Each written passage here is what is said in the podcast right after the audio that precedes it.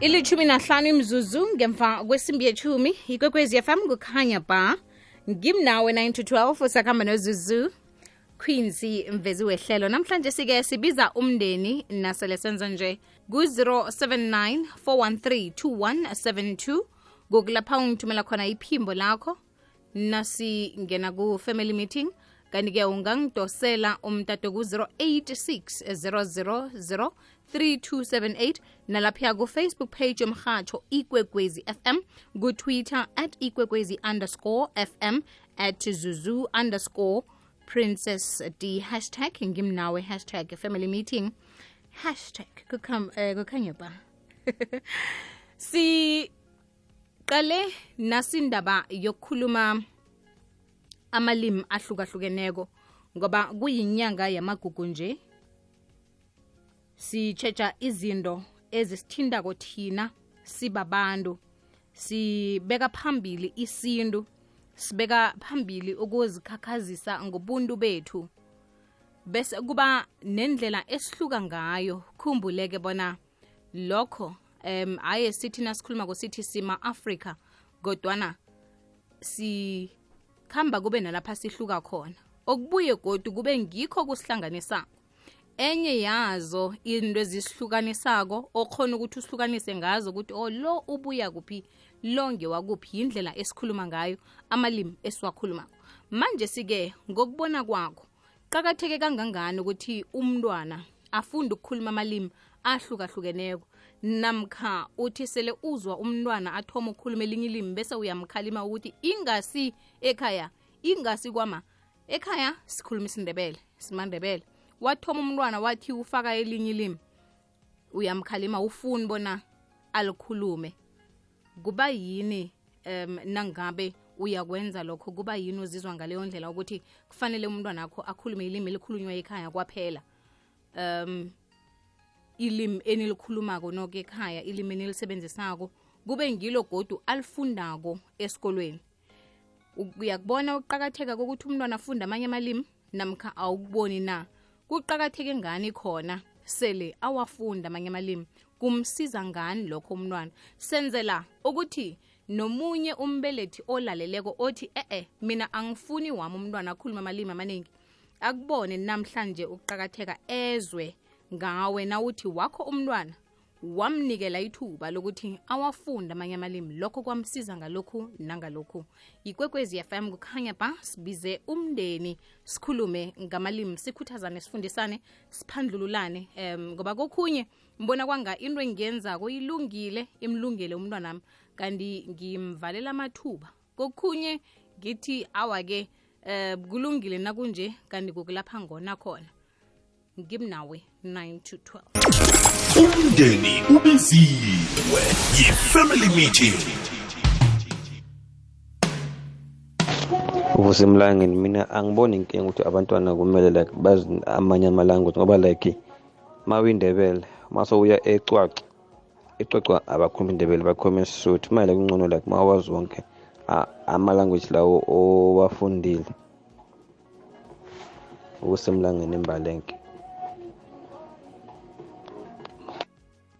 akwande zuzu ngikulotshisa ehlelweni lakho ngimnawe. Ninokhwinsi mahlangu lapho umvezi wehlelo. Eh zuzu ngiyasizwa isihloko sanamhlanje lapha uveza khona indaba yokuthi kuqakathekile ukuthi umntwana umfundise amalimi la wonke akhona namkhana eh azi ilimi lakhe lekhabo la adabuka khona. Eh zuzu mina ngokubona kwami ngithi iye khona kurehe ukuthi umntwana asazi isikhabo alazi ilimi lekhabo akwazi nokulikhuluma ngoba kwesinye isikhathi kuyahlanganwa kumndeni. Umntwana yemntasazi isikhabo ukuthi ekhaya thina sikhuluma nje but vere kuphinde kuqakatheke ukuthi awazi amanye amalimi lazuzu ngoba kunesikhathi lapho umntwana mhlawumbe uza kuhamba aye khona kwenye indawo ayokufuna imberego namkhana ayokufunda endaweni ezithize namkhana ezinarheni ezingaphandle zuzo ayokufunda le ngaphandle. Umntwana lothola ukuthi amanye amalimi la akawazi yayibona ukuthi ibuye ibe budisi futhi nalapho zuzu. So yingakho ngithi kuqakathekile ukuthi umntwana yemde awazi wonke amalimi la mara nelimi lekhabo kuhle ukuthi alazi zuzu ngithokoze zuzu ngemetlelbek ukhuluma nonkosinathi sitholo baba kasiphosethu nodr. Idoronkopo kukhanya ba.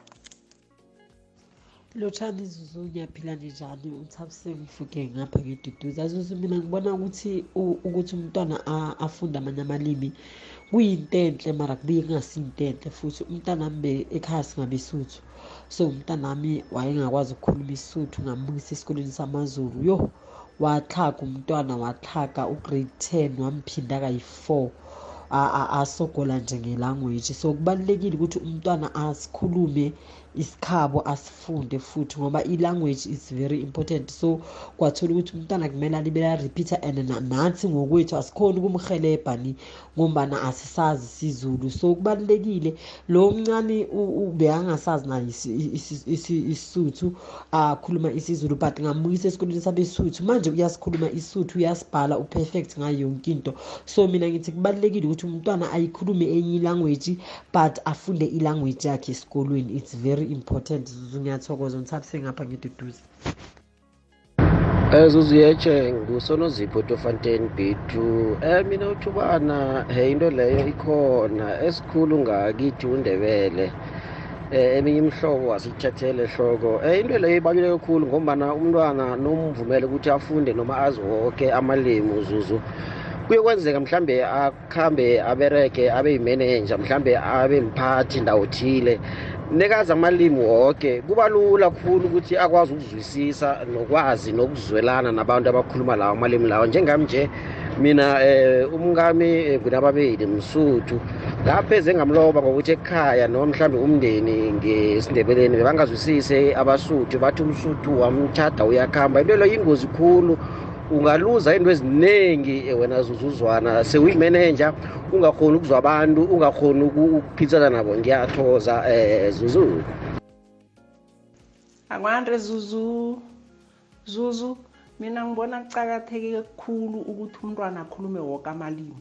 Ngoba abantwana phela kusasa bayakuhamba baya le nale.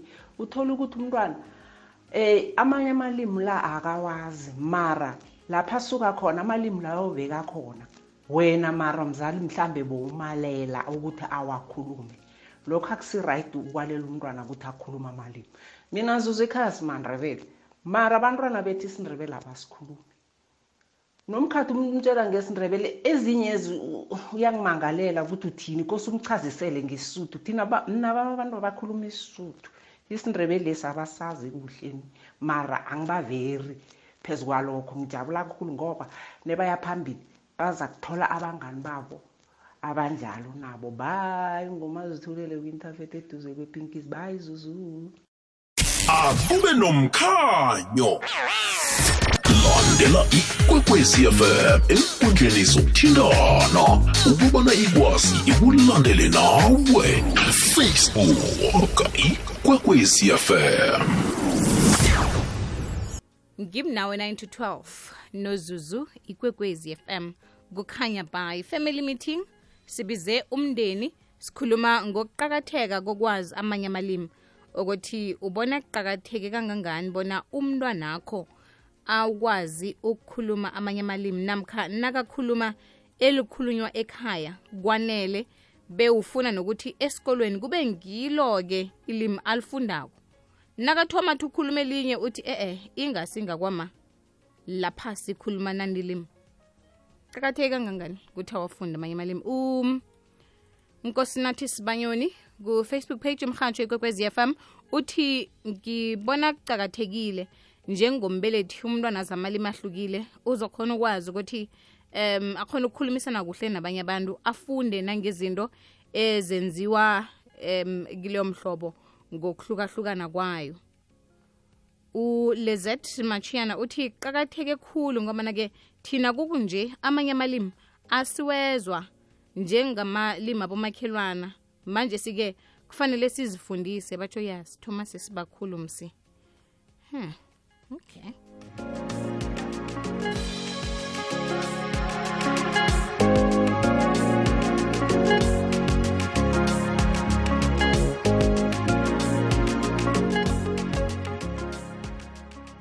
kunjani? Ngubhuda bangangithala ngala ngetofatenzi akuqakatheke khulu zuzu nawuthi ayicala mara mina into engithanda khulu. Ayi ngithanda ukuthi athome ngelimi lekhaya alazi manranzi angazi ukuthi akhulume elinye ilimi naleli lakhe lakalazi lemvelo yakho yayibona so nakasazi-ke isindebele hawu awurehe khulu nakakhuluma amanye la. Azokhona ukuzwisisa ampur woke amalanguage ayizwisisa.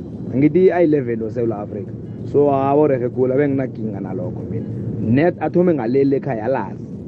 Angizuzungu ubutabo ngano hlala ngale ngetofatanc siyethokoza mlaleli osendleleni lo queens um utaps jones ukuhamba ngo-n4 nawukuhamba ngo-n4 sibawa ucheje uyelele khulu ngoba kunomoya omkhulu. Ngiwubonile nami umoya lo ekuseni. Um ya batsho nawusuka emalahleni uya e-orhisi batsho umoya loyo mkhulukhulu. I- ikoloyi kubonakala kwanga iyaphephuka nawungaphakathi nawu godi nawuwedwa awa kwanga iyaphephuka yeke-ke sibawa nitshayele ngokukhulu ukuphepha lapho niyelele. Kwekwezi usemoyeni lutshani ha? Ikwekwezi usemoyeni lutshani ku-086 000 3278 i-family meeting. Whatsapp voice note usithumela ku-079 413 2172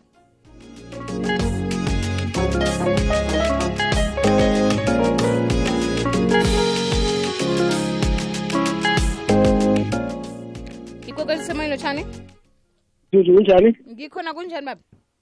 Ngiyaphila zuzu ulumini asihluphele lo.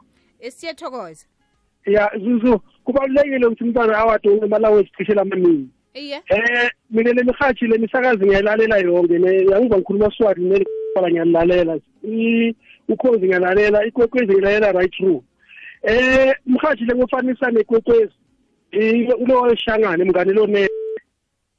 Iye. Ya cabanga kwabo labantu laba aba- awufani labantu le- le- lama-nations lemihlobo akufani cabanga kwabo. Kwentakele bakwentako akusi akwamukeleki kahle that's why itholakala ngivule ikwekwezi isikhathi esiningi. Akusikuthi amanye leminye imihlobo ngiyayizonda ngizondi kodwa nje eh kwahle imihlobo leminingi ukhona kukhetha abantu ukuthi lokhu ucabanga sokwenta so lo sokwenta so. Kubalulekile ukuthi bantwana bafunde wonke amalanguage. Kuyabasita ekuhambeni nabakhula nabahamba khona. Ngiyakuyizwa ngiyabonga kakhulu ngezuzu uzwakele baba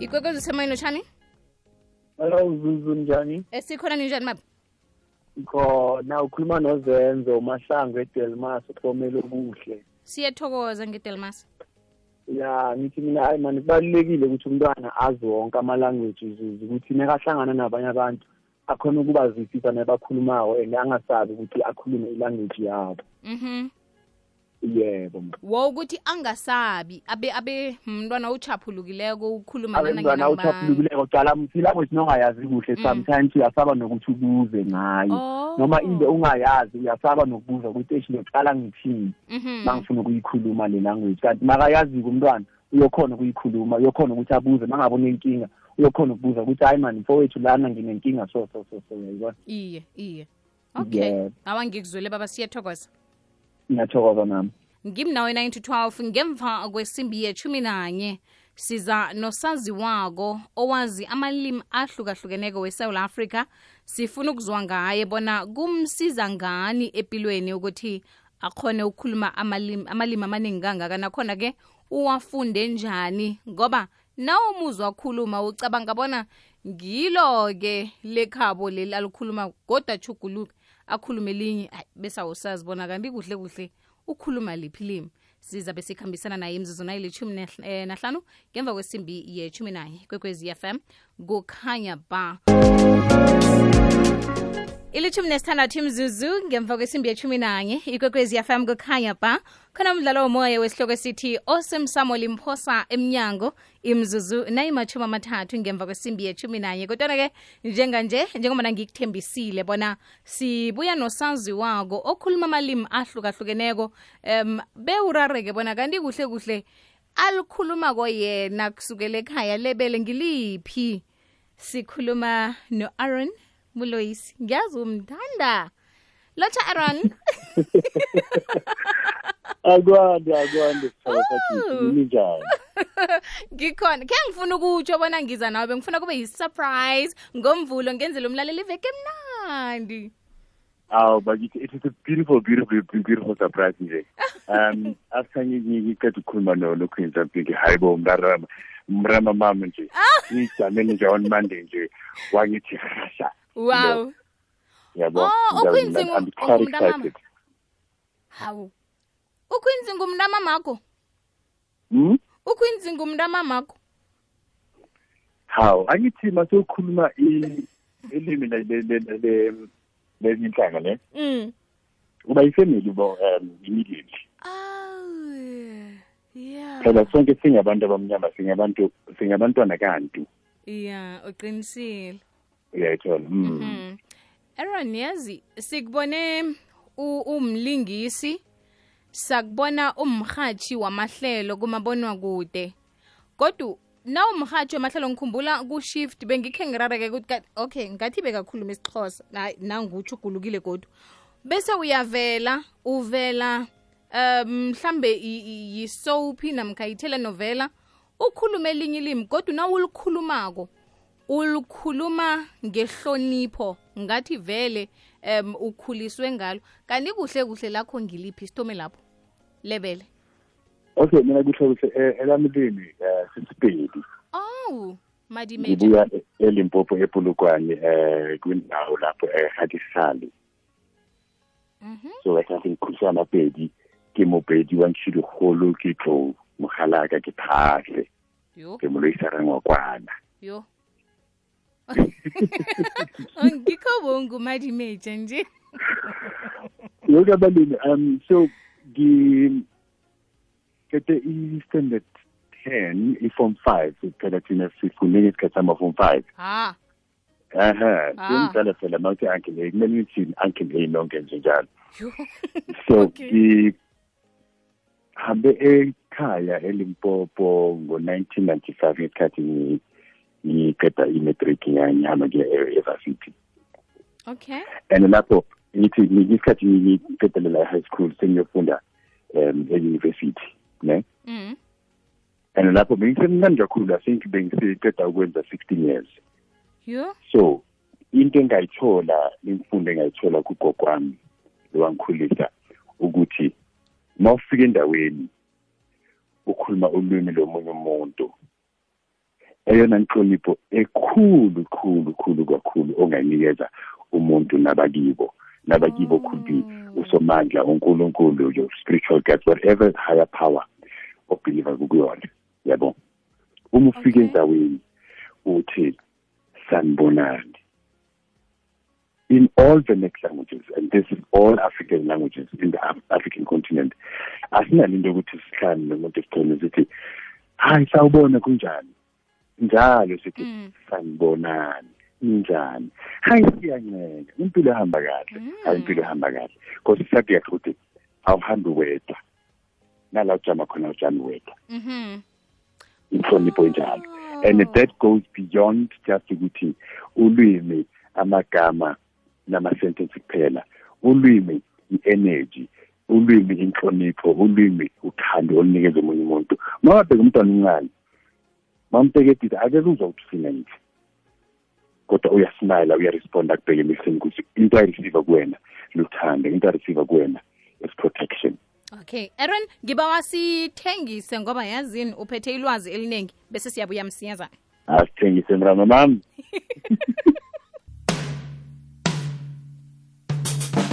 imashumi amabili nambili mzuzu ngemva kwesimbi yeshumi nanye ikwekwezi fm kokhanya ba sisakhambisana no-aaron muloisi um ngusazi wako esouth africa umlingisi mhaji wamahlelo ngusomabhizinisi ya. Um namhlanje esikhuluma ngakho sino-aaron kukwazi amalimi ahlukahlukeneko. Yazi aaron ukhuluma enye into mhlambe kaningi asiyitsheje ukuthi ukukhuluma nomuntu ngelimi alikhulumako yena ngelimi alizwisisako kumhlonipha. Okay yangikara nasindaba oyiphetheko. Mm. ya kutshengisa lapho ngesikhuwa si- sithanda ukuthi bathi when you are in rome do as the romans do. Iye iye. Yabo. Thina njengama-afrika uma ufika endaweni uyisivakashi siyakujabulela. So we even have ama-idioms nangesipedi ukuthi moyeng e tla ka wena. If there's a visitor in a village or kukhona i-visitor lapha emzini nje sonke siyajabula sizona amagift siyamukela i-visitor. Mm. i-visitor bese kubonisa inhlonipho ngokwenzani? Ngokusibingelela akaze ahambe engasongo at least igama elilodwa nje ukubonisa ukuthi ekugcineni ngiyanibona and sonke singabantu simunye sinjalo. Uyabona? Sihleke silale phansi nje umuntu makezama ukuthi hayi lotshani lotshani. Ingathi umntana nje ezama ukucela ukukhuluma. Kuba mnandi nesibona omunye umuntu efuna ukufunda ulwimi lethu because kusho ukuthi uyasibona futhi usikhathalele ngale ndlela esikhuluma ngayo. Wow. Uyabona Mhm. yeah. So aaron and futhi enye i-secret nje isiphili Yeah. esingasa- esingasali wonke amalimi kahle kahle ayafana. Ma ulalelisa kahle kahle kahle kahle. And ukhohlele indaba ukuthi ulwimi is amagama nama-sentences. I'll give you two examples. Ngesixhosa ngifuna ukupheka kasibili ngingekopheya kasisuthu ngingekopheya ngesixhosa ndizakubetha yo. kasibili ngithi angubetha oh. Yabo? Ngesindebele lotshani sitshaba sakethu kasipedi re a lotsha setšhaba sa gešo hmm hmm. Yayizwa so language if you listen properly ma umuntu ekhuluma and sobe siyayazi uzokhuluma igama ethile uthi hayi ang- angisazi angazi language kodwa ke le gama esishoyo ingathi lisho ukuthi and more than half the time isuku right wow wow. Yathola? Yeah. Ha. That's why sonke sikwazi ukuthutha bayo ma ungahamba uhlangana nomuntu omnyama echina ujabulusa ngithi but ke ma ufika amachina kuphela angeke ulando uzokhuluma nabo ngesesichina esiphukile nabo bakhuluma i-english yabo ye-prepaid kodwa okusalayo bazokukhombisa lafuna khona. Ngiyakuyizwa. Mhm. Aron ukhuluma amalimi um ayingakhi ukhuluma amalimi abangakhi kodwa kukusize ngani ukuthi uwazi wonke nje empilweni um well okwamanje sesisedile lawa la ekhaya e-south africa. Uyabona so angithi la ekhaya eh, emthethweni sinamalimi ayi-eleven. Ne? Iye. And kahle kahle ayi-twelve ukuze ele-twelve i-sign language iye. Ne? Mhm aha. So uma ubheke lapha e-south africa we've got the Sotho group sesotho sibili swana ilimi elilodwa we've got okay. enkuni zulu xhosa um indebele siswati mhm igroup eyi-one kanjalo.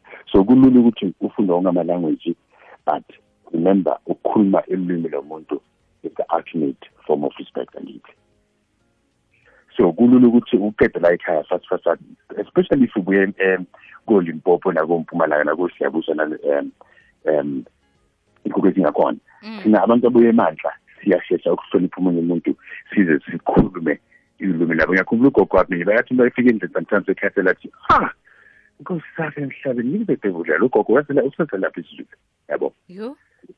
But it's a way of saying we are one that any sound esizwayo noma ungazi ukuthi isho ukuthini uyayi-understanda because it gives you the kind of energy ewifunayo so ngafunda e-eastern cape e-university ngafunda isixhosa khona in between ngangibakashela abantu wami lapha e-witbank kwakuqa ngikhulumisa izweni lesiswati and then ngayesebenzela ethekwini ngasebenza khona eminyaka eyi-two in IT industry. Lapho in between ngisegoli plus ekhaya elimpopo. Now e-high school ngidatelele e-high school yami from grade 10 up to grade 12 standard 8 up to standard 10 etzanini where i went to school namazonga namavenda. Yabona mhm but ngesikhathi ngiqala ukusebenza e-tv ukhumbule ukuthi i-sabc one i-channel in fact wonke ama- amakhasi e-sabc one ama-channel abuka isabek yonke kobotswana konamibia kolesotho komo- koze komozambique bayasibuka bayasilalela futhi yabo. Mhm. Ngiyacela ukufunda esishona because isishona kahle kahle.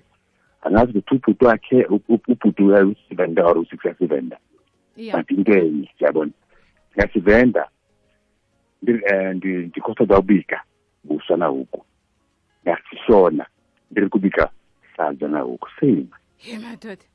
Ndinotenda zvikuru yolikwa obotenda.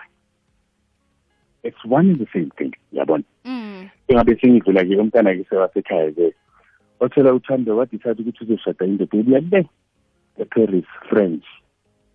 So my brother in law is french and kwakho sokuthi sizame ukufunda isifrench ukuthi mase sihamba ngodisemba siyisemzini singafikela kwama-french aze asikhulume kanye sokuthi simayela asikhulula mntu language masifike lapho esibonje usavako amasavako tontoa hon yabo? Ah wangisazi. Aha Hey. njalo. Masethi irandi likhuphukile emnotho ukhuphukile siyadriva sidlule sithi mozambique come staff. Yabona yo. So kathi kathi ngumuntu othanda othanda abantu mm. mm. ngimuntu othanda ukutravela. Okay. Ngimuntu othanda uku-understanda ukuthi impilo lesiyiphilayo singabantu yini engaka ngayo? Okay. Uyayibona. Yo kunini ngithi yo? Hayi. You know ukuthi yo? But the Kunini most yo? important thing ne ukuthi ukhulume ulimi labantu it's not only ukuthi unesipho people always say no une-talent lama language. Hayi athi une-affinity to languages. Mm. bayayidismisa kanjalo. Uma ungafundisa umntana ukukhuluma amalwimi abantu abaningi. Okokuqala ivula ingqondo yomntana. Oh yeah. Kuwenza kube lula ukufunda izinto. And in English, there's something which when you meet somebody and you say something in their language, immediately shortens the distance between the two of you. Most of you can. Immediately, they will find out later. You can always say, take five. Um, and you know, it's. But, oh, no, right? Grand. Go know, because I thought it was Because we were looking for a good presenter. The chances are yo wazi isidimeli apha kana yintoni look. and then i probably would have blocked the chance. Yeah Yabona. yeah. Betting ngale yabo and then later on bazathi hayi makutheni izifomrom ngasho mbana angongixhosa azange ndathi ngingixhosa i just gave you the ultimate respect as a human being. Aaron um yazi ngingakulalela bekube kukusasa angidinwa kukulalela. Um ya ukhuluma ukhuluma kamnandi ukhuluma kamnandi utalented um uyayazi into yenzako uyawuhlonipha umsebenzi wakho. Siyazikhakhazisa ngawe simasewula africa ngiyacabanga ukuthi nakezinye ninarha bafisa ngathana bewungewalapho kodwana ungewethu esewula africa sithokoze ngibalane khulu. eSouth Africa Well, thank you so much. Um unkosi nkosi ngiyabonga kakhulu ukuthi ngiyabonga kanjalo and futhi this is my very first interview lapho kokwezi wow. On the 20th year of my anniversary in this Mm. so ngithi 20 years this year. Yo. Mhm yawa sithokoza aaron. Siyathokoza. Kakhulu. Oh. thank you thank you. Akwande